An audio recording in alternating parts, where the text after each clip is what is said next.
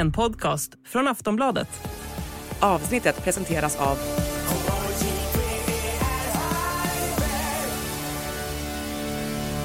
Stödlinjen.se, åldersgräns 18 år.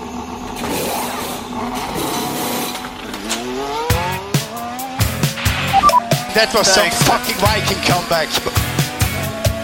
Debris uh, behind. There's something strange with the engine. New pen after that. What the, what the?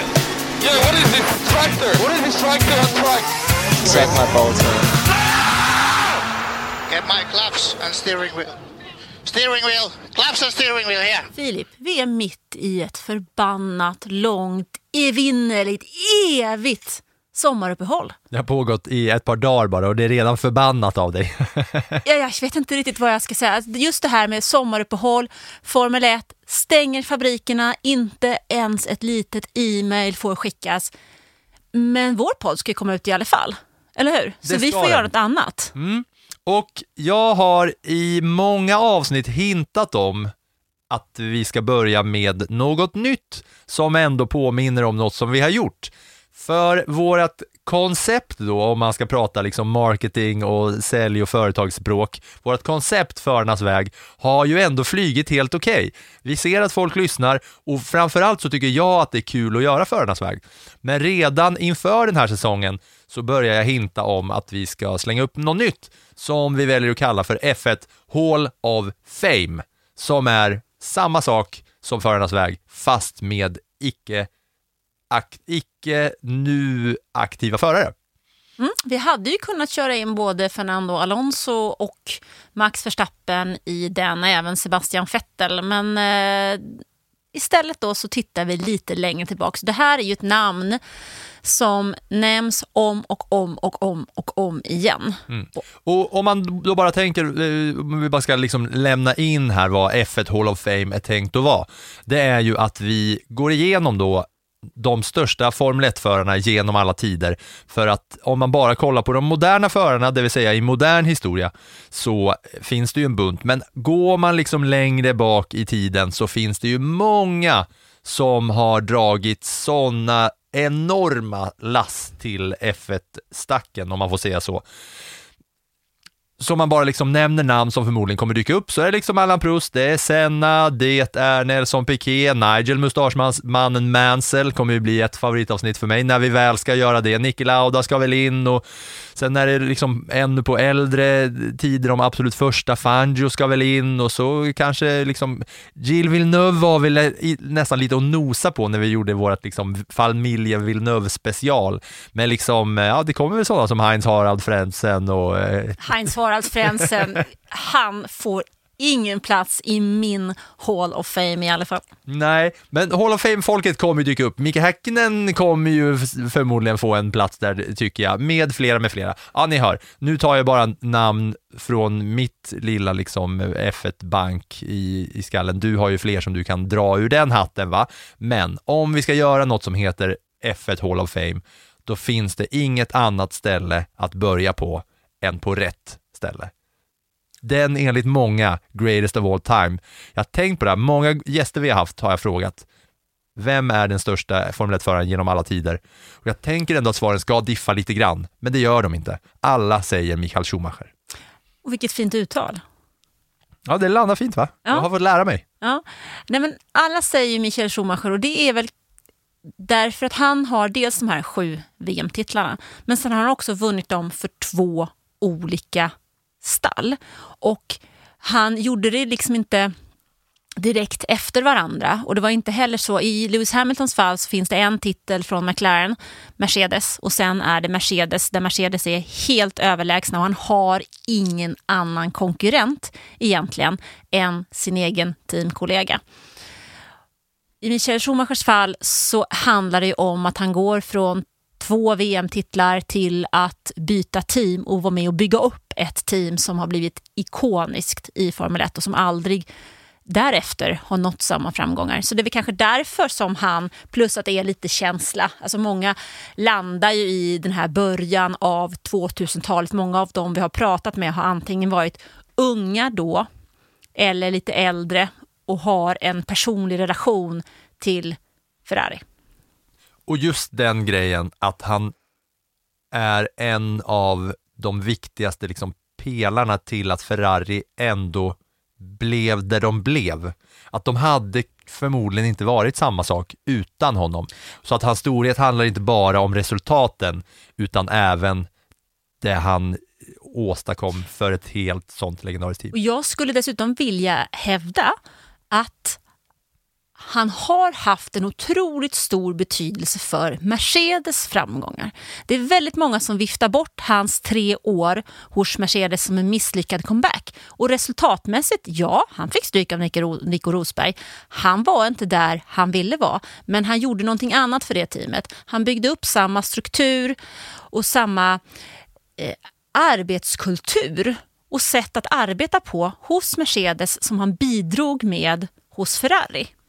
För att efter hans departure i Mercedes, det är då det börjar liksom skörda frukt. Ja, men det är ju Lewis Hamilton har ju med största sannolikhet dragit en enorm nytta av det jobb som Michael Schumacher gjorde. Nico Rosberg har till och med berättat för mig att Michael Schumacher har haft en enorm betydelse för hans karriär hos Mercedes. Och han vann ju faktiskt en VM-titel 2016. Mm, och som tysk eh, också att ha den liksom att se upp till och på nära håll och, och, och sådär. Ja, fast där tror jag i och för sig att hans pappa har betytt mer, men jag tror Ja, att ja, ja. Mie- Michael Schumacher betydde mer för hans sätt att förstå hur man ska arbeta tillsammans med ett team för att sätta grundpelarna för Mercedes. Och om man då ska börja någonstans på Michael Schumacher, då måste man väl ändå börja i uppväxten som präglades mycket av racing redan där i husbil, typ. Ja, hans pappa var ju till och med, alltså, hans pappa var ju typ eh, vaktis och fixi-trixi på en go-kartbana. Fixie Trixie. Ja, men hans pappa eh, tog ju hand om en go-kartbana och hans mamma skötte ju eh, typ eh, fiket på samma go-kartbana. Så han och hans bror Ralf, Ralf är född 1975 och Michael Schumacher är född 1969. De är ju i stort sett uppväxta på den här go- go-kartbanan. Och ehm, eh, där såg man ju hans talanger. Det är lite roligt, pappa hette Rolf Rolf och Ralf. och brorsan sagt- heter Ralf. Jag har sagt det förut, Rolf och Ralf alltså. Mm, Och mamman hette Elisabeth. Men, eh, så de tillbringar ju enormt mycket tid på den här gokartbanan och man såg ju talangen som Michael Schumacher hade. Och det här är inte heller någon familj som hade så där supermycket pengar. Det förstår man ju med tanke på de, de jobben som, som föräldrarna hade. Alltså vaktis i stort sett på en gokartbana och eh, ja, han drev väl den här go- gokartbanan då, och eh, mamman mamma som skötte fiket. Så man såg ju till där att de fick... Alltså, de letade ju upp däck när det behövdes. Det plockade man ju från andra som hade haft lite, har det lite bättre ekonomiskt, som inte använde sina däck. De plockade ju grabbarna, Schumacher, och använde. Och andra förare såg talangen och hjälpte till och stötta dem. Fan, jag tänker på min uppväxt på uterinken när jag spelade hockey och att det var våra koner var också var däck. Det var sådana små gokartdäck och bildäck som vi hade som koner på, när man, på hockeyträningarna. Man hade däck i högar. Och jag tänker att det är på, på samma, samma sätt som jag gick och hämtade däck för att liksom göra teknikövningar på uterinken i Katrineholm, så är det från liknande högar där de bara plockar, här har vi, här har vi fyra däck, de här får vi köra på trots att däcken är en så pass eh, superviktig och väsentlig del när man även kör gokart. Ja, nej, men de tittar väl... Ja, men de, drivor de här liksom ser, ja men de här ser bra ut, de plockar vi. De här ser bra ut. Det är lite samma bakgrund som Lewis Hamilton har haft. Alltså man har inte pengarna. Eller Fernando Alonso, man har inte pengarna. Vi får hitta lösningar för att göra det som våra ungar vill göra. Så det är ju inte alls det här som vi pratar om när, när eh, Max Verstappen till exempel, som är pushad av pappa eh, sen han var liten. Han är lite pushad, han är väl tvingad, Det kan man väl diskutera kanske. pryglad, agad fram till att... Nåja, men en liten annan. Liksom. Eh, Men det som Michael Schumacher och även Ralf Schumachers smala lycka är ju en, eh, gokarthandlare som heter Gerhard Noack. Och det är faktiskt samma man som ett antal år senare stöttar Sebastian Vettel för att, att hjälpa till på en väg uppemot. Och han ser till och bidrar en hel del så att de faktiskt kan ha råd att hålla på med sin idrott. Rätt bra val av personer att stötta. Schumacher och Vettel. Det är, inga, det är inga dåliga namn, det gick inte åt helvete för någon av dem. Nej, det kan man inte säga. Nej, och, och Schumacher han är duktig, jätteduktig som gokartförare. Han vinner, han är väl typ fem när han vinner sitt första race och han möter under den här tiden förare som Heinz Harald Frentzen. Namnfavorit. Ja, precis. Eh, Micke, Efter Pastor Maldonado som är namnfavorit ett, sen är det nog Heinz Harald. ja, sen är det Mika Häkkinen och Mika Salo. De, de möts liksom redan under, under en eh, tidig del. Och eh, Schumacher kör också ofta under en licens från Luxemburg. För där kan han, eh, ja, det har med, med ålder att göra. Att man, man eh, hade, eh, om jag, måste jag tänka? Mm, du är välkommen, du får tänka hur mycket du vill. Jag kan lägga på något roligt ljud när Anna tänker här nu så, så kommer hon tillbaka när hon har tänkt klart.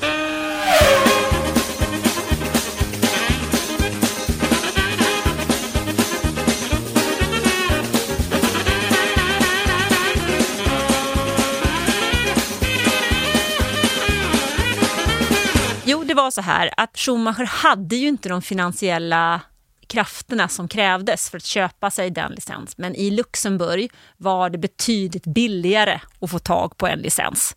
Så att av ekonomiska anledningar helt enkelt så körde han länge under en eh, licens från eh, Luxemburg.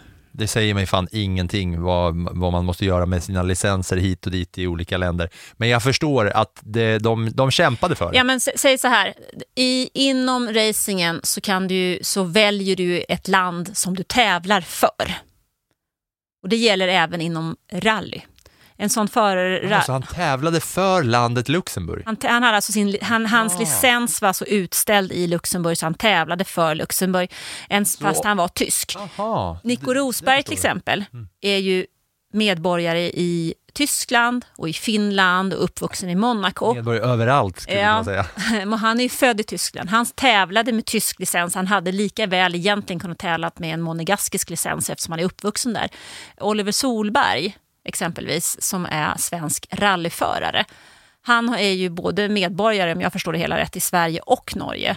Men han tävlar ju med en svensk licens. Okej, det var jättebra förklarat. Från att något som jag verkligen inte hade någon aning om. Det här var ju klart och tydligt. Under luxemburgisk flagg, så att säga. Precis.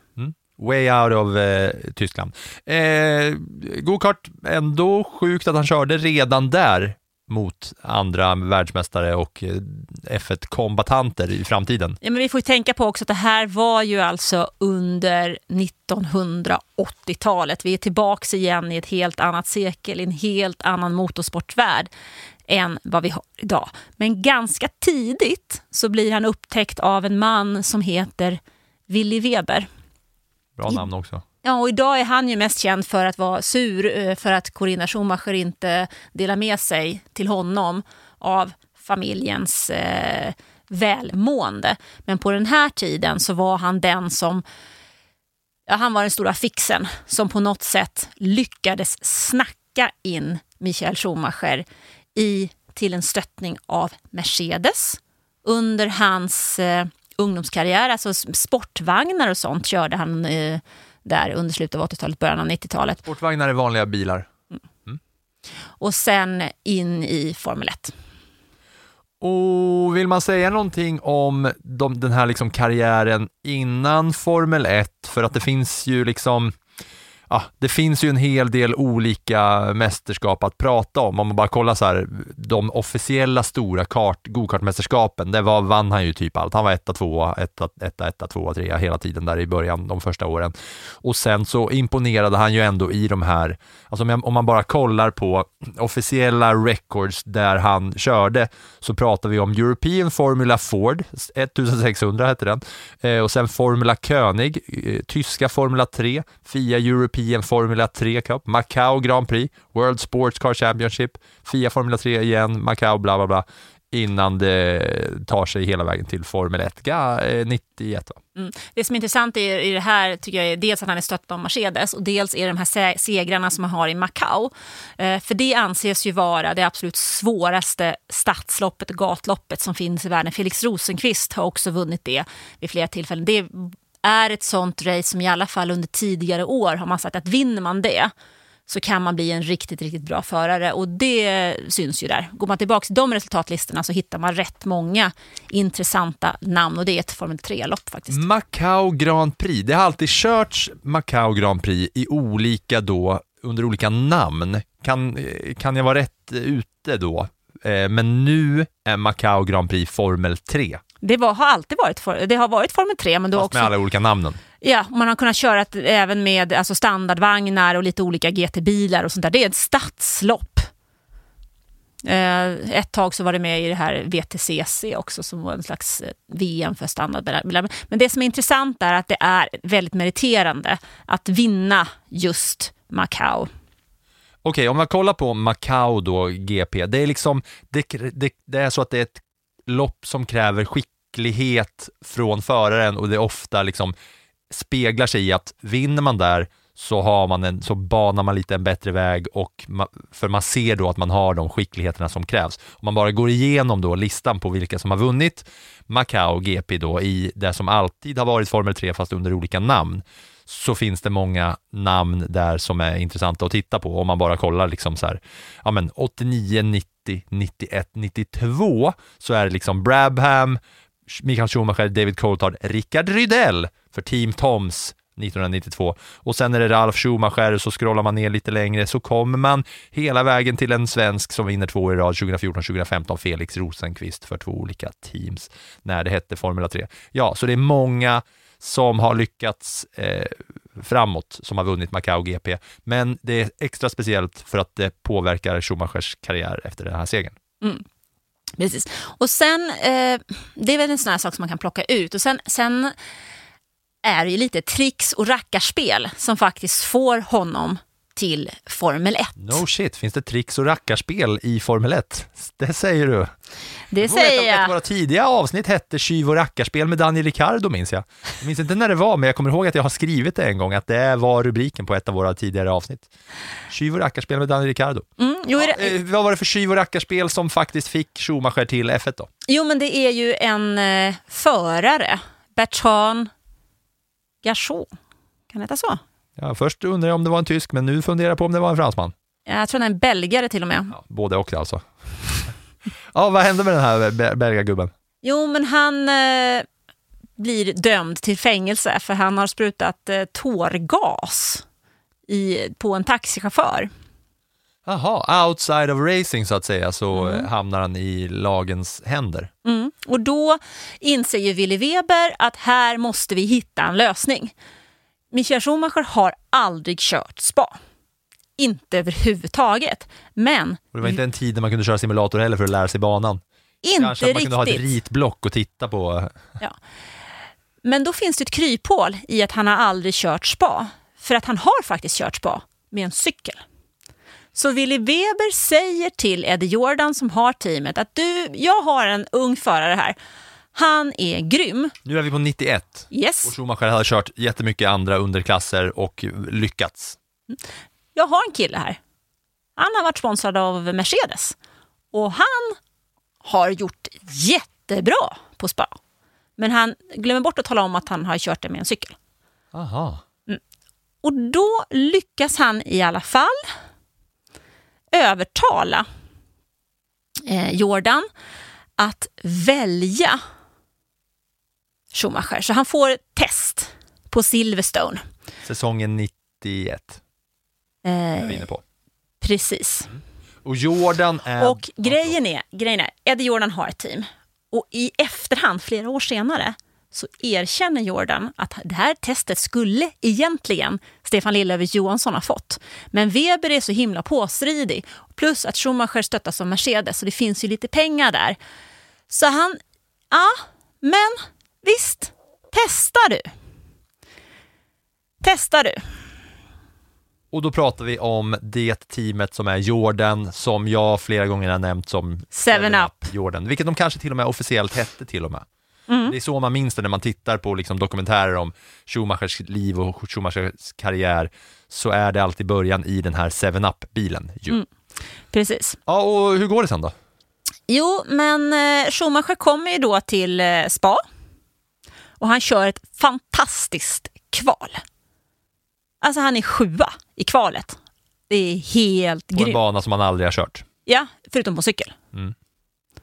I en Jordan-bil som inte hade så mycket att göra med eh, toppskiktet i Formel 1. Det är en. Jordan-bil som han måste betala för, för att annars kan inte den här bilen köra överhuvudtaget. Och eh, de har sovit på ett eh, typ hostel, eh, vandrarhem inför det här och eh, man klarar av det här kvalet och alla ögonen är på Schumacher. Att han sen bryter racet efter typ 500 meter med ett kopplingsfel, det är det ingen som bryr sig om överhuvudtaget. För att det här är en sån jättegrej. Ja, för att det man kan se om man tittar på det där kvalet är att man kan se Ayrton Senna, Alain Proust, Nigel Mansell, Gerhard Bergen, Sean Alesi, Nelson Piquet i McLaren Honda, Ferrari, Williams och Benetton Ford då. Alla de största förarna och i de största teamen. Men precis bakom de här så kommer Michael Schumacher i en 7-Up-bil som det ser ut som att man har fått ifrån flingpaketet typ, eller när man köpte ett sexpack 7-Up så fick man den här bilen. Ja, och dessutom så kör han, det finns ju på, på spa finns ju den här kända kurvan. Nu är det inte så mycket kurva längre för det är, men då, och Rouge var ju då den mest omtalade, coolaste, svåraste, läskigaste kurvan i F1-kalendern. Schumacher kör den med full gas.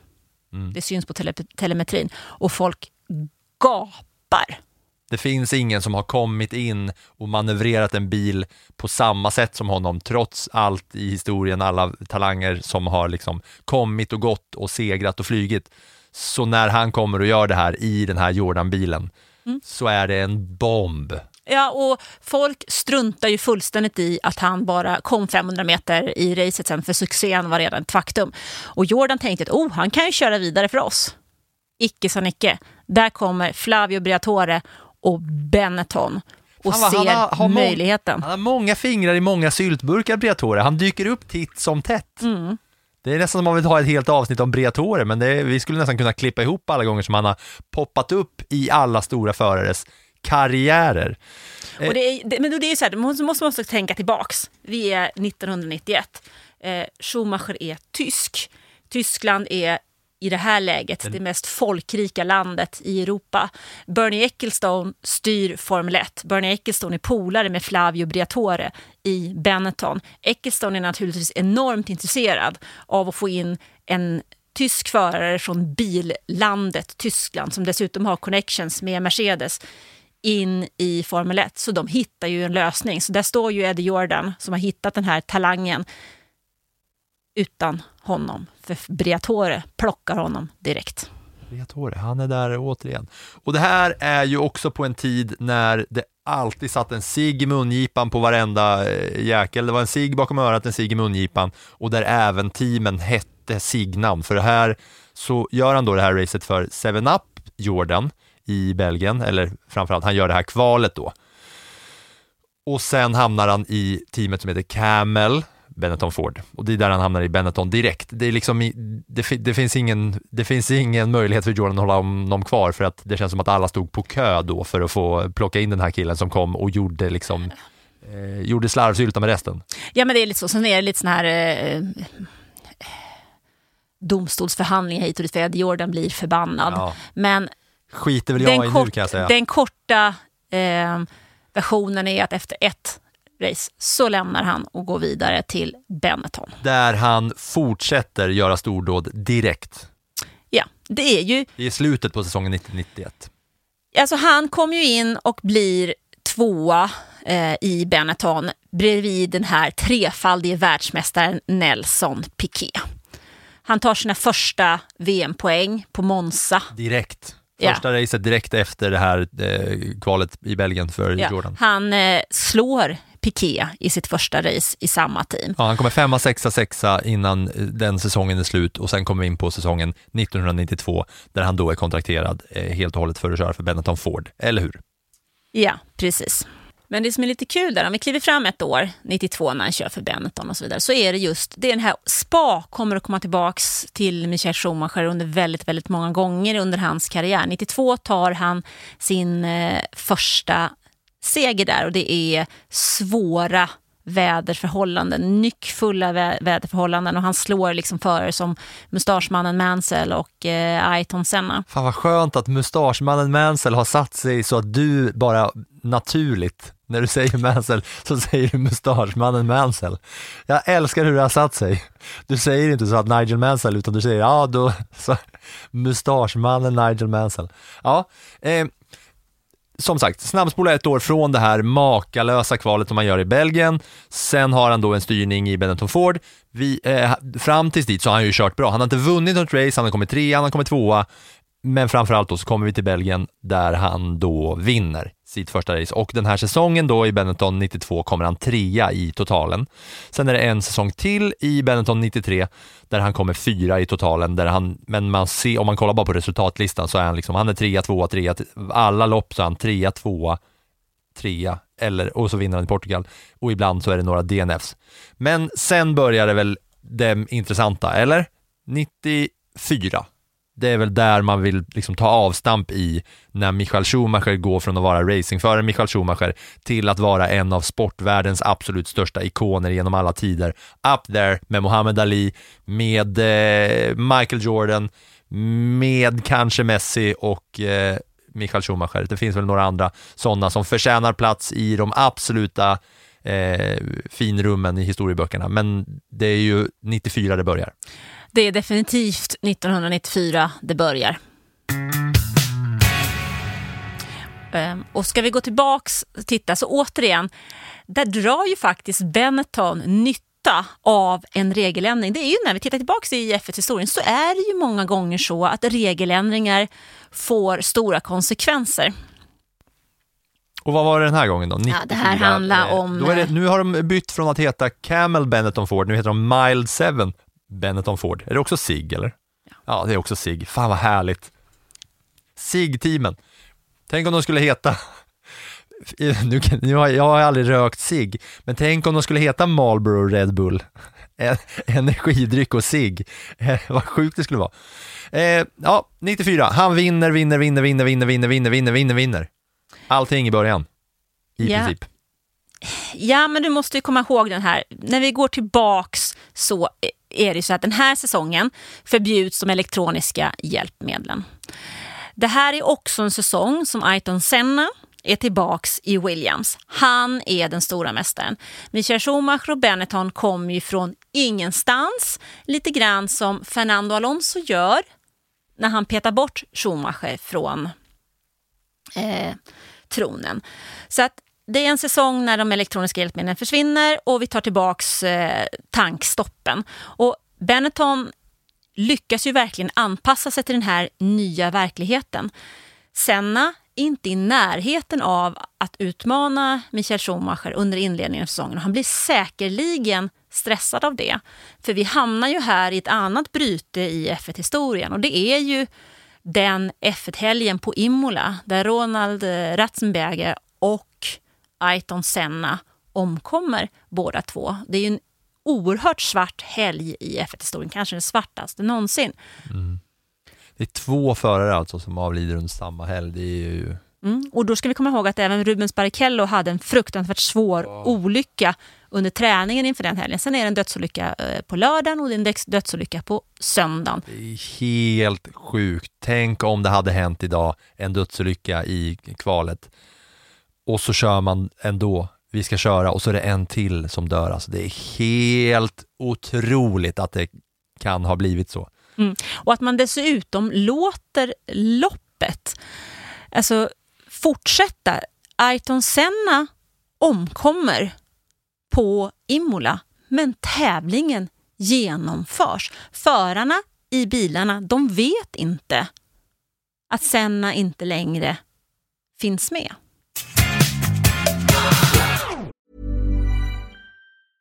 Finding your perfect home was hard, but thanks to Burrow, furnishing it has never been easier. Burrow's easy to assemble modular sofas and sectionals are made from premium, durable materials, including stain and scratch resistant fabrics. So they're not just comfortable and stylish, they're built to last.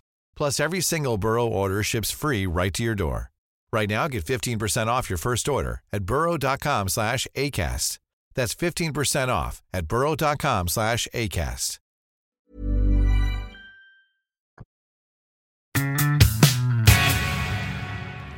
Men det är inte så att den här säsongen 1994 är bara en liksom eh, dans på, vad man nu kan säga, vad ordspråket kan vara, en dans på röda rosor. Är det så man säger? Dans framför öppen eld tänkte jag säga, men det är inget ordspråk som någon har etablerat än. Det är inte bara så att han kör och vinner och vinner och vinner och sen blir det, utan det är lite kontroversiell liksom väg till världsmästartiteln som han tar det här första året. Först så blir han diskad två gånger, avstängd i två race och sen sättet som han vinner titeln är ju också något som har gått till historien. Ja, men det är ju så här att han, han har ju en fight då med, med Damon Hill som kör för Williams.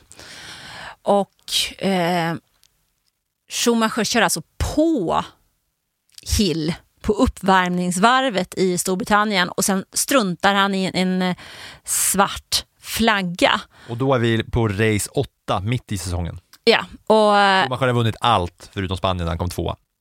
ja, och han, han eh, blir ju liksom diskad för att bli avstängd för det där. Så där kan man ju inte bete sig. Nej, han, blir, det- han blir diskad, men han får ju, han får ju köra kommande racen, men sen blir han diskad igen i Belgien, för Belgien. en annan sak. Ja, och då, där då? ja, men där är en kontrollplanka under bilen som inte eh, håller sig enligt reglerna. Och det, Då är det inte helt och hållet hans körstil som påverkar, utan då är det hela teamet som liksom straffas för det. Och då diskas han för den här plankan då, skit i teknikaliteterna, men det gör att han blir avstängd i två race. Vilket också är liksom, det ser man inte idag att någon blir avstängd i två race. Och sen efter det är det tre race kvar av säsongen. och Allt- Hill har ju vunnit de här loppen då. Exakt, det är dit man vill komma för att det är Damon Hill som han fightas mot i Williams-bilen och sen då när han har varit diskad och avstängd två lopp så är det tre race kvar. Han vinner Europas GP, kommer tvåa i Japan och sen är det ett eh, sista Australiens Grand Prix i slutet som är det sista racet på den här säsongen. Och där är det ett väldigt kontroversiellt sätt som Schumacher tar sin första världsmästartitel på. Ja, det är det ju verkligen. Och eh, han, har, han är pressad, alltså han har varit med om en krasch under träningen. Han kvalar in F eh, som tvåa och Hill i trea. Eh, de kör hårt mot varandra. Det skiljer en poäng mellan de här båda inför det här. Ja, men det är ju, de kör ju jättehårt mot varandra. Och eh, på varv 37 så kraschar Schumacher och skadar sitt eh, högra framhjul. Men han tar sig upp på banan igen och är på väg mot depån när de stöter ihop. Han, Stö- stöter ihop va? Det är, är ett väldigt snällt sätt att säga det på. För att efterspelet till det här är ju att när de ställer upp sig för att starta det här racet så är det by fact så att om båda de här bilarna kraschar så vinner Schumacher titeln.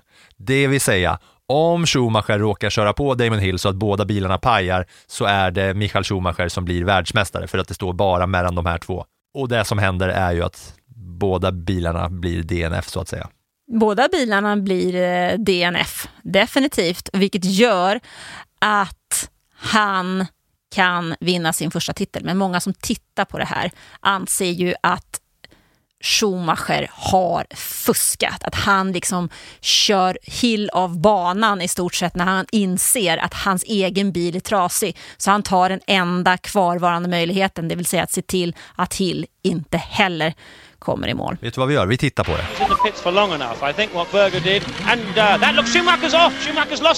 uh. Oh, out, out goes Schumacher.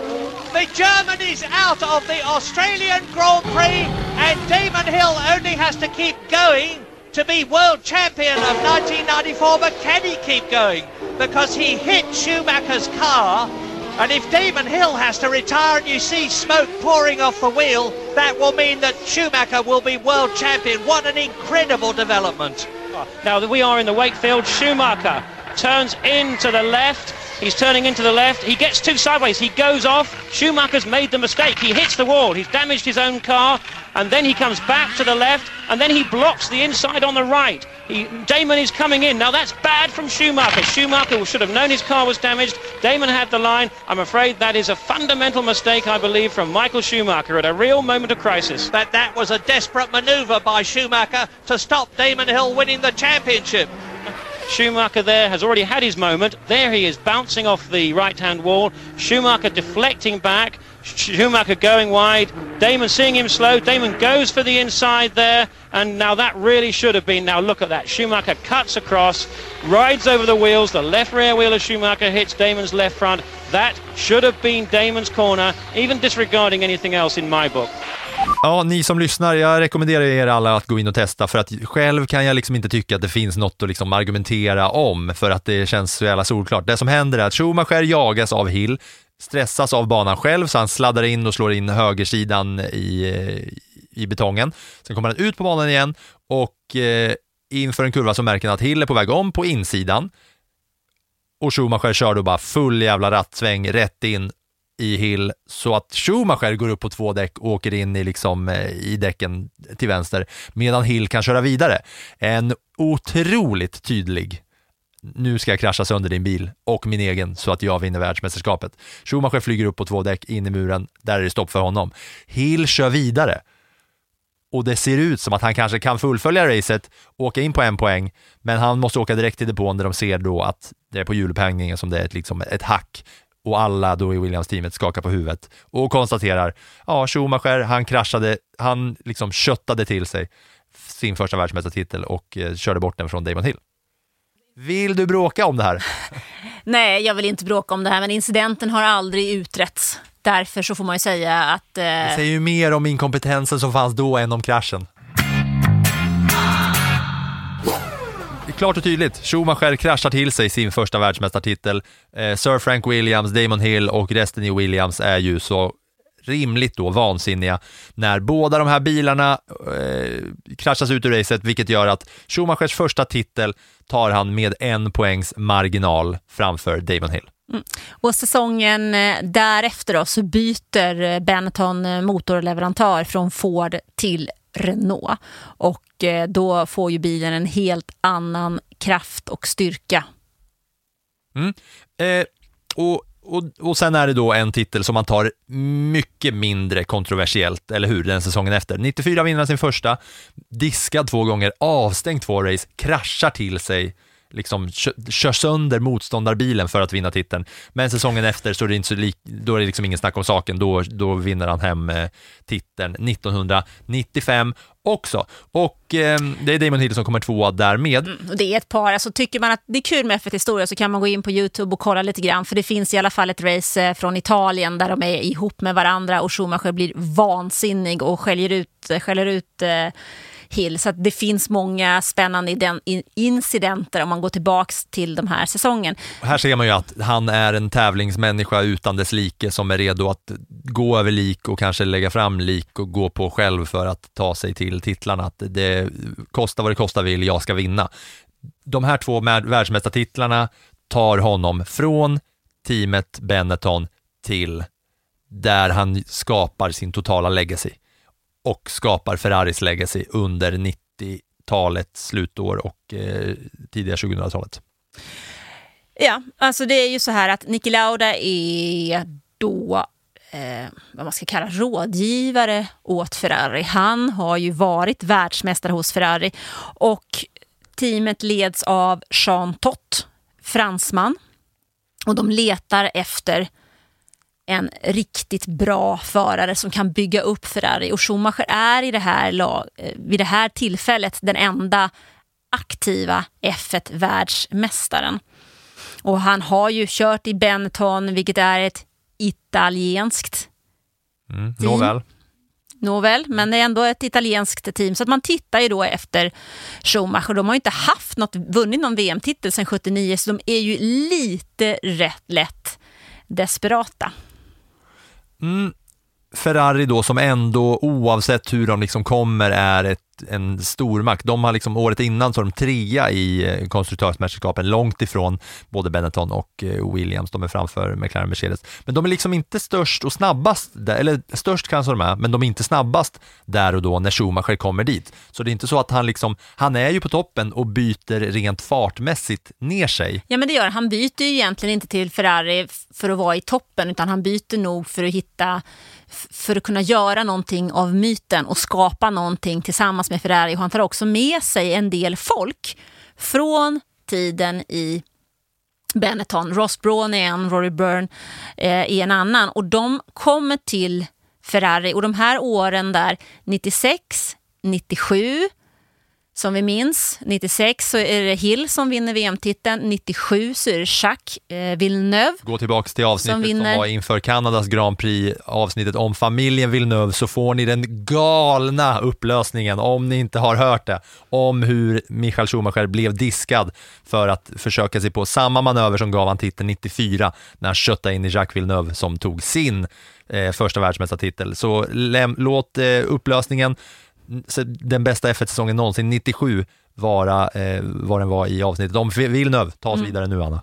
Ja, för sen 98-99 så är det otroligt häftiga fighter mellan Michael Schumacher och Mika Häkkinen som McLaren Mercedes med eh, Mika Häkkinen vinner och det är en otroligt häftig titelfight. Alltså våran eh, vän, redigerare Jarko som ofta tas upp i den här podden faktiskt. Alltså, det är ju några, eh, det är några Sportbladet-profiler som, som får plats i Plattan i mattan ibland. En av dem som har dykt upp fler gånger än andra är eh, den gamla printredigeraren Jarko Pevniemi. Ja, och det ger vi för hans otroliga eh, kärlek till Formel 1 och också Framförallt till hans fin, finska fins, förare. Fins, finska arv. Ja. Och eh, jag minns ju till och med den här eh, titeln som Mika Häkkinen vinner i Japan måste det väl vara. Du har till och med pratat om den fyra gånger i den här podden. ja, Jarko springer över golvet och det far datorer. Innan vi tar oss vidare in på de absoluta storhetsåren så är det ju ändå lite remarkabelt här, för man, om man kollar på resultatlistorna som jag gillar att göra, så ser man att eh, mitt i säsongen så startar inte Schumacher i Storbritannien och tar inga poäng i kommande eh, fem eller sex race innan han kommer tillbaka på slutet tar både pole, fastest lap i båda och blir tvåa. Han blir femma totalt i den här säsongen 99. Men vad är det som händer mitt i säsongen? Jo, men eh, Häckenen Eh, och Schumacher har ju en enorm fight. Häckenen leder med åtta poäng när de kommer till Storbritannien och eh, Schumacher får problem med bromsarna. Han kör alltså med över 100 km i timmen rätt in i en däckstapel och det där ska ju inte kunna vara, behöva vara något problem men Schumacher bryter faktiskt eh, benet. Han bryter mm. ett vadben i det här och han, han missar sex race på grund av det här. Och det är ju det som är anledningen till att han förlorar den eh, VM-titeln 99. Mm. För, ändå också vill jag liksom bara lyfta att han kommer tillbaka och blir tvåa i de två sista racen. Liksom första gången han racear igen efter ett benbrott så kör han så pass snabbt så att han kör snabbare än alla utom en. Mm, jo, men han är ju starkt bidragande till att Ferrari faktiskt här vinner konstruktörsmästerskapet för första gången på 16 år. Ja, men eh, skit i 90-talet nu. Nu tar vi oss in i 2000-talet för att det är här det börjar hända grejer på riktigt.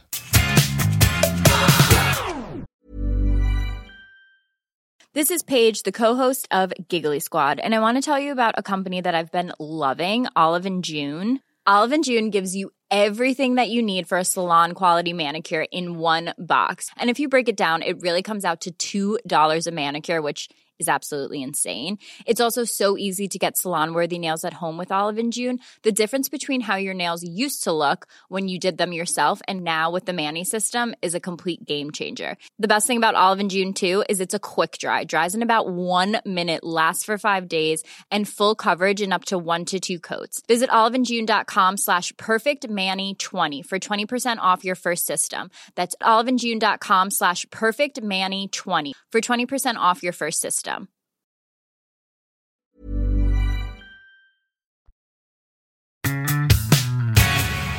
För Schumachers del så är det ju de här två det är någon slags, de här åren, första åren hos Ferrari, de här fyra åren, där bygger man ju upp och skapar. Och den stora skillnaden, det som sker till under den här säsongen 99 som ligger, lägger en, del, en av grundbultarna till eh, Michael Schumachers framtida framgångar det är däckleverantörsbytet. För under den här tiden så är det två däckleverantörer i Formel 1. Det är Michelin och det är Bridgestone och Ferrari går mot Bridgestone. Och de har ett sånt fantastiskt bra samarbete och vi har möjligheter att testa. Alltså Schumacher ligger och kör från morgon till kväll på Fiorano som är Ferraris egen testbana. Han kör och han kör och han kör och han kör för att hitta perfekt läge. Det är till och med så faktiskt att under de här åren så bygger Ferrari om testbanan för Schumacher har problem med en av kurvorna. Man bygger om den för man vill hitta rätt. Så att han kan maximera däcken eh, till total maximum. Ja, det maximera däcken och maximera bilen och maximera sig själv. Det är ju så att, att framgången som Ferrari har här bygger på otroligt hårt arbete. Mm, jag tänkte precis komma dit. Många gånger så har man pratat i F1 liksom så här, ja men han, han hade de bästa förutsättningarna för han hade pengarna i bakgrunden eller han hade uppväxten med en farsa som tvingade honom att köra. Men för Schumacher så var det ju det liksom som byggde honom och byggde Ferrari var ju hårt arbete framför allt. Att han la ner tiden i bilen på banan och bara körde ner huvudet och körde bilen framåt. Och sen kommer vi till 2000-talet där en av Formel 1s största och tydligaste dynastier skapas med hjälp av Michael Schumacher i Ferrari, där det är fem raka mästerskapsår. Visst, man kan väl hävda att eh, Lewis Hamilton och Mercedes dynastiåren där under hybridstarten kan mäta sig mot det här, men här var det så att här vann de allt.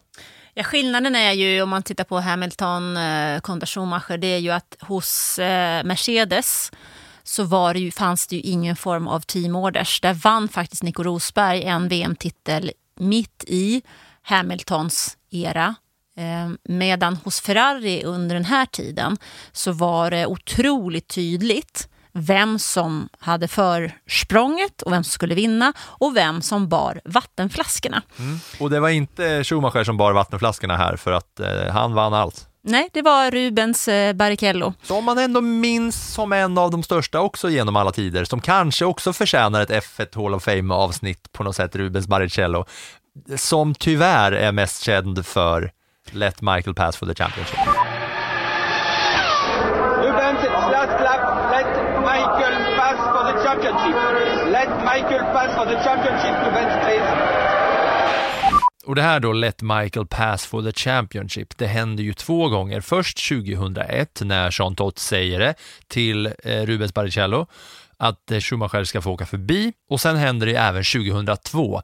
Det är väl den som är den stora tydliga teamorder-kontroversen när man ser dem komma precis mot mållinjen, Rubens Barrichello leder och så tvingas han tvärnita och släppa förbi eh, Schumacher i sista sekunden. Det är så tydligt det som Barrichello, han får ju nästan bromsa.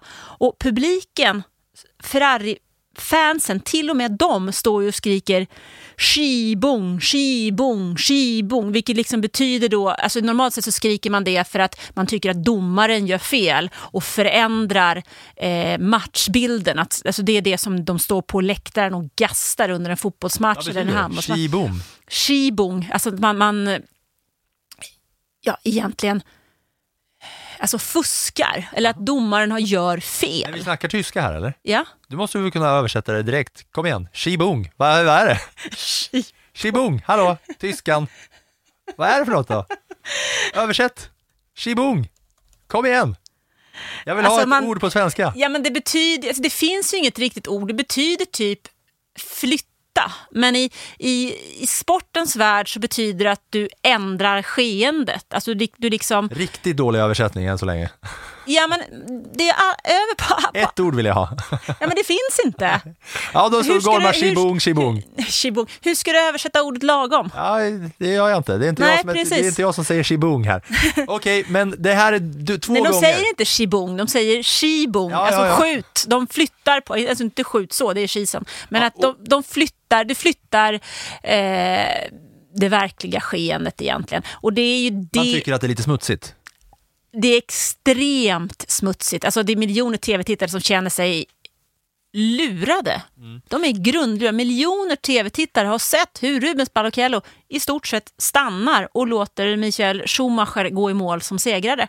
Och det är till och med så att Schumacher byter plats på eh, prispallen och flyttar upp Barrichello så att han ska få känna sig som vinnare av racet och så vidare. Men alla blir ju superförbannade, enormt upprörda och detta leder till att det blir ett beslut mot stallorders. Just det, och det är ju en, ett stort nedslag i F1-historien och regelböckernas skrivande. Jag vill bara för tydlighetens skull, visst är vi i Österrike 2002 nu? Yes, absolut. Men det, det händer ju, grejen händer ju i stort sett likadant vid två tillfällen. Och Ferrari, Schumacher och Barrichello de får böta en miljon dollar. Då ska vi ha, sätta det i relation till att McLaren i samband med Spygate fick, betala, fick böta 100 miljoner dollar. Det var också kanske lite skillnad på en teamorder och det de gjorde för Spygate. Så bötesbeloppen kanske ändå var lite halvrimliga ändå. Men med de här åren då, som, som där, för det är ju de här, år, de här fem åren som Schumacher tar sig upp till, alltså om man gör en liksom sportens Hall of Fame genom alla tider som han tar sig upp där till med de absolut största. Ja men det är det ju definitivt. Alltså, eh, han vinner de VM-titlarna. Han vinner 2000, 2001, 2002, 2003, 2004. Ja, och framförallt då om man bara tittar på hur det var så vinner han alltså allt 2002. Han vinner han vinner alla race utom 1, 2, 3, 4, 5, 6. De kommer han tvåa i respektive trea i ett av dem. Så han vinner liksom allt. Han går i mål alla race, vinner alla race, är på podiet eller han vinner inte alla race, men han är på podiet alla race och det är väldigt få race som han inte vinner. Eh, säsongen efter så är det ändå lite mer så här, ja det finns lite femteplatser, lite sjundeplatser, någon tredjeplats och någon åttondeplats innan han då sista säsongen där 2004 fort, är överlägsen en gång till och vinner verkligen allting.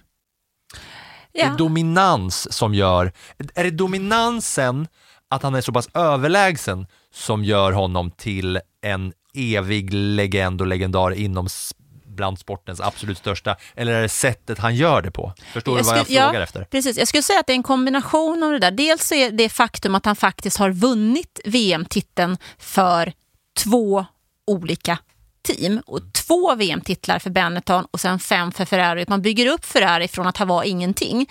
Det är lite det som Sebastian Vettel faktiskt strävade efter när han bytte till Ferrari. Då hade han ju de här fyra titlarna med Red Bull och så ville han till Ferrari för att göra det som Michael Schumacher gjorde. Han lyckades aldrig med det. Lite det som också Fernando Alonso strävade efter. När han kom med två VM-titlar från Renault till Ferrari och också bara tog andra platser och aldrig nådde högst upp. Så det är lite det här Ferrari har ju en myt kring sig. Det är det enda teamet som har varit med i Formel 1 varje år sedan 1950. Det är något speciellt med det här röda teamet som är Italiens landslag egentligen. Och här har vi haft då Schumacher och Ferraris absoluta storhetstid där de är som störst och som bäst och som mest dominanta. Sen händer det ju någonting då efter 2004 för att sen vinner han inget mer. Nej, det gör han inte. 2005 så kommer ju Renault med sina massdämpare och Fernando Alonso. Mm. Och då tar de över tronen och de vinner även 2000 2006. 2006 så är ju Schumacher inställd på att han ska ta revansch. Där är det fight ska sägas. Mycket det är fight. riktigt fight och det är lite fult ibland också för vi kanske, när vi pratade om Monacos GP så finns det ju en incident som är från just 2006 när Schumacher tar pole position i Monaco efter att ha parkerat sin bil i Raskas som gör att Alonso inte kan slå en bättre tid. Schumacher bestraffas för det här efteråt och få starta det loppet sist. Mm. Och, och, Fernando Alonso får pole. Fernando Alonso får pole. Och det här är en incident som är ganska viktig. Ja, för att Schumacher kör då upp sig och slutar ändå femma i det racet med snabbaste varv. Och det är ju, eh, ja, Alonso vinner racet, det blir ju mest poäng till Alonso och sen då de, de poängen, fyra poäng till eh, Schumacher där för en femte plats. Men ja, det är ju någonting som eh, där, skiljer, eh, där poängskillnaden blir eh, tydlig mellan de båda. Ja, och det är, någonstans där så känner väl också Schumacher att hans... Eh, han har inte riktigt samma engagemang längre. Han har barn som håller på att växa upp, han har haft sin familj väldigt, väldigt privat hela tiden. Men han längtar kanske också efter ett annat liv. Han har kört F1 då sedan 1991 och nu är vi på 2006. Han har två barn hemma. Kommer tvåa bakom Fernando Alonso. Ja, men redan i Italien i samband med eh, den deltävlingen på Monza så berättar han för världen att han ska lägga av. Han sitter på presskonferensen och nästan gråter eh, och talar om att hans eh, tid är slut. Han har inte längre det engagemanget eh, som krävs. Så att han avslutar sin karriär. Han eh, kör lite motorcykel, han eh, gör lite olika saker där under säsongen 2007 och 2008 och början av 2009. Men han har en motorcykelolycka som världen inte vet egentligen att han har. Jag minns att jag såg lite bilder på, så ganska dåligt tagna bilder på att den hade skett. Man ser eh, honom och en motorcykel, jag tror, du ska inte svära på det, att det är i Spanien någonstans. Men man, vi tänker inte så mycket mer på det där. Men sommaren 2009 så drabbas Felipe Massa, som då kör för Ferrari. Han får en stor metall metallfjäder i hjälmen. A huge crash for Ferrari favourite Felipe Massa. Barrichello had been on a last-ditch attempt to make it into Q3 when a spring came off his car. Oh, something is broken on my car. Det lossnar en fjäder från eh, Rubens Barrichellos bil och den landar väldigt, väldigt nära hans öga. Han är alltså centimeter eller kanske till och med millimeter från att bli blind. He went hurtling into the path of the errant spring and into the tyre wall.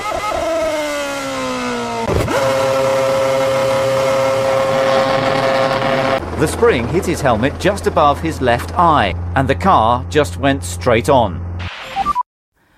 Så han måste pausa. Han kan inte köra loppen därefter. Och då ber Ferrari Michael Schumacher om hjälp.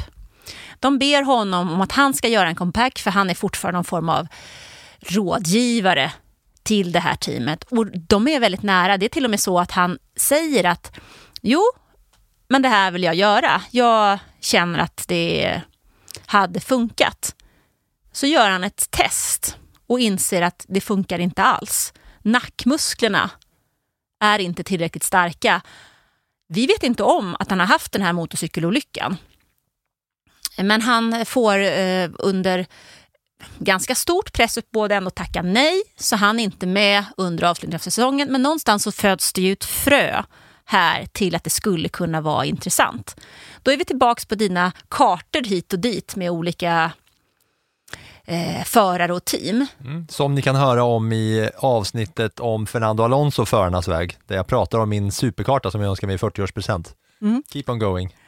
Och sen är det då så att den här säsongen, 2009, så har ju Braun GP med Ross Braun som var teknisk direktör för Michael Schumacher i Ferrari. De har vunnit VM-titeln. Samtidigt har Mercedes tagit sig tillbaka och insett att efter Spygate vill de faktiskt inte jobba ihop med McLaren. De är mer sugna på en egen lösning.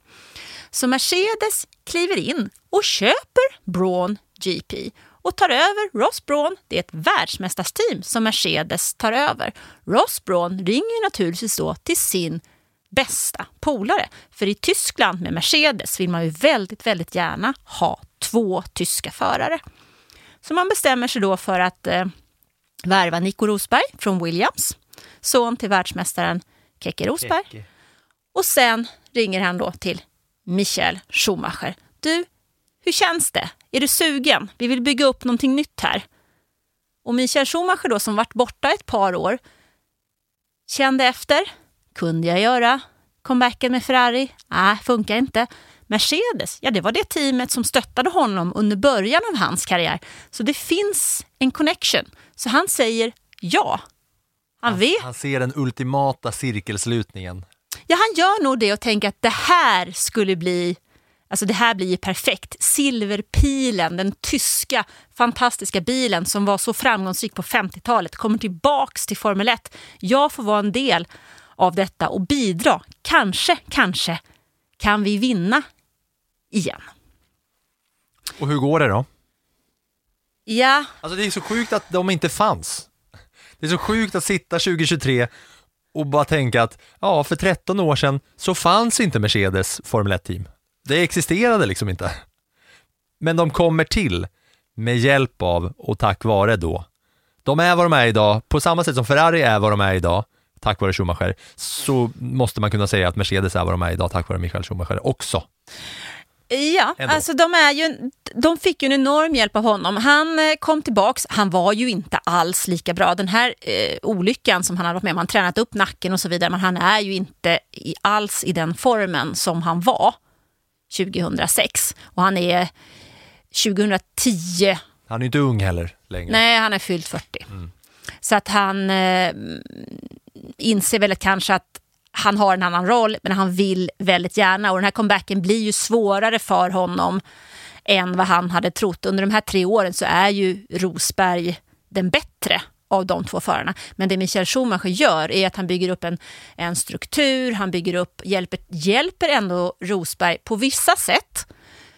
Eh, skulle jag ändå vilja säga, för att han är ganska ful mot Rosberg. Alltså han, han låser in sig på toaletten så att Rosberg inte får gå på toa precis innan racet. Han gör såna här små grejer liksom. Men jag tror, det är min personliga åsikt, jag tror ju att Rosberg av den behandlingen sen klarade av att hantera Lewis Hamilton. För Rosberg kommer ju från en annan, han är lite mer lyx, eh, uppvuxen i Monaco och, så, och duktig med fem språk och så vidare. Men här får han ju dels hjälp av Schumacher att lära sig väldigt mycket. Fulspel. Både och. Han får dels lära sig hur man jobbar i team, hur man jobbar tillsammans, hur man strukturerar upp saker och hur man ska kunna... Det har han ju nytta av och det har teamet nytta av i ett senare läge, även om många av nyckelpersonerna byts ut. Eh, Ross Braun till exempel är ju inte kvar, utan det är Toto Wolff och Niki Lauda som styr det här teamet när de blir så framgångsrika sen. Men han lär sig mycket som han både har nytta av som förare själv, som han har nytta av vid sidan av banan i relationen till Lewis Hamilton. Och man sätter en grund. När Schumacher lägger av 2012 så har ju Niki Lauda redan värvat Lewis Hamilton för de inser ju att de behöver någonting annat. Och det som idag sen minns Michael Schumacher för, det är ju att han var en F1-förare. Men hur är det han mår idag? För det kom ju en skidolycka 2013. Och det är så synd att det är där man måste avsluta när man ska avsluta ett avsnitt om den största genom Formel 1-historien i vårt första F1 Hall of Fame. För man önskar ju att man hade fått gå ut på en positiv not. Men det går ju inte. Nej, det... det- går ju inte att inte prata om skidolyckan och där Schumacher har liksom befunnit sig bortom strålkastarljuset och helt i liksom skugga av allt annat. Mm. Ja, men det är 2013, det är den 29 december. Han och hans son Mick eh, åker off-pist med några vänner. Han fastnar med skidan på en sten. Han ramlar väldigt olyckligt, slår hål i hjälmen. Och ni som har lyssnat ordentligt det här avsnittet kommer ihåg att han hade ju en gammal olycka med sig också från den här motorcykelhistorien vid 2009. Han eh, drabbas av ett par hjärnblödningar. Han opereras och han ligger i koma under en väldigt lång tid. Eh, han vaknar väl upp i juni 2014 från den här koman. Något halvår senare så flyttas han hem. Men sen efter det så vet vi egentligen ingenting vad, hur han mår för Vilket familjehåll. också är unikt. Alltså det känns som att det finns inget annat exempel i sportens historia på någon som är så stor som man inte har någon fakta om överhuvudtaget. Alltså där man inte har någonting att prata om eller se och rapportera om. Men han finns fortfarande. Han Han, finns liksom inte fast han finns. Alltså han lever ju, eh, men vilket liv han har vet vi ju inte. Men vi kan ju tänka oss egentligen. För att med tanke på att han avslutade sin karriär för att vara tillsammans med sina barn. Han följde sin son Mick otroligt nära, pappa med videokameran, när han satsade, startade sin karriär. Han körde skidor med sin son när han föll så oerhört illa, så de hade ju en väldigt tajt relation. Så hade han kunnat så hade han ju funnits med Mick under de åren när han vinner Formel 3, vinner Formel 2 och dessutom får köra Formel 1. Men det gör han inte. Nej, för han är inte ens med de åren, nej, för att det är just 2013. Det är, liksom direkt, det är året efter han gör sin, sin sista säsong i Formel 1 eh, som skidkraschen är. Ja, han, han slutar F1-karriären 2012. Eh, jag vet att han gör... Sjua i Brasilien. Eh, och han gör en intervju med RTL i, strax före jul där 2013 när han pratar om sin karriär och allting och, och framtiden och så vidare. Och sen är det bara några veckor och sen är det ju dött. Och han får liksom inte vara med när Mick Schumacher tar sig upp hela vägen till Formel 1 och det hade varit, kunnat vara en annan syn man ser idag också för nu ser man ofta Toto Wolff, Mick Schumacher tillsammans men där bakom skulle kanske annars en till Schumacher stå.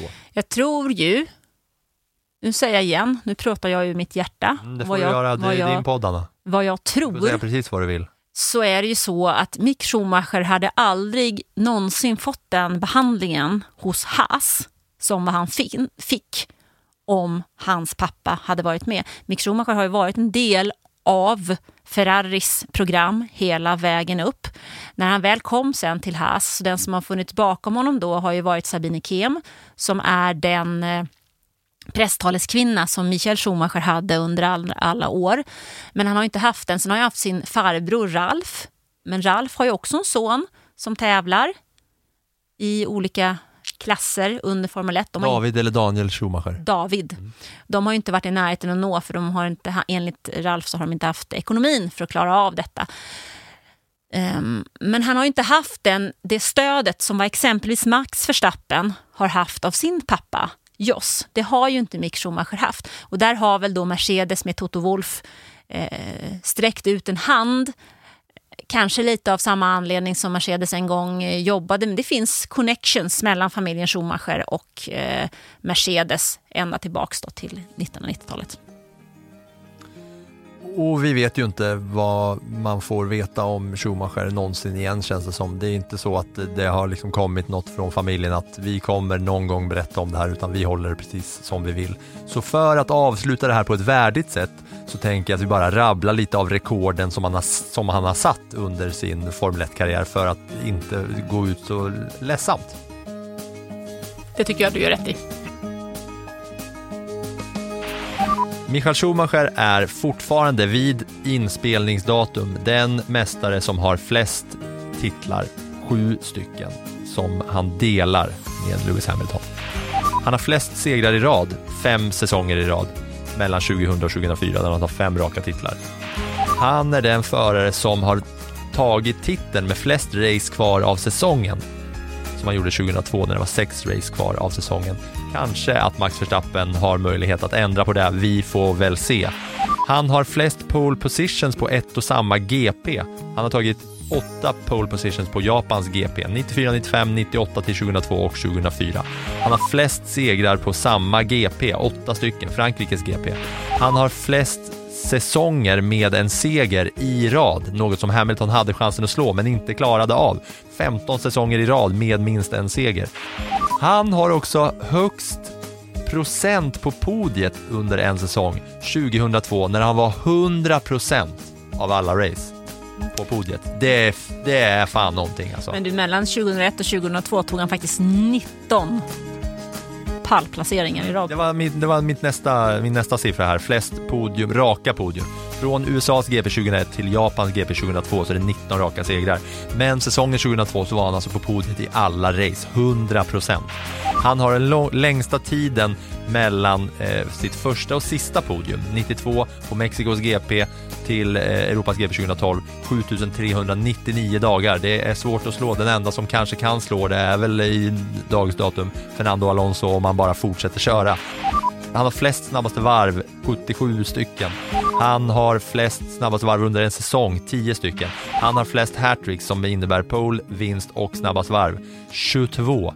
Han har flest hattrick på en säsong 2004. Michael Schumacher är sannerligen den som hör hemma i F1 Hall of Fame nummer ett. Tack för att ni har lyssnat.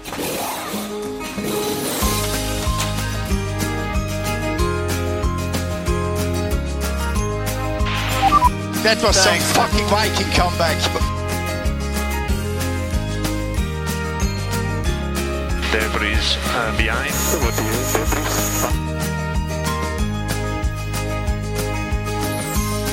There's something strange with the engine. I need a new petal for that.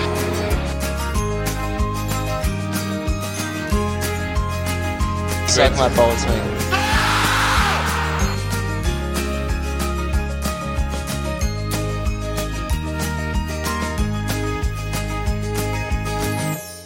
My claps and steering wheel. Steering wheel. Claps and steering wheel here.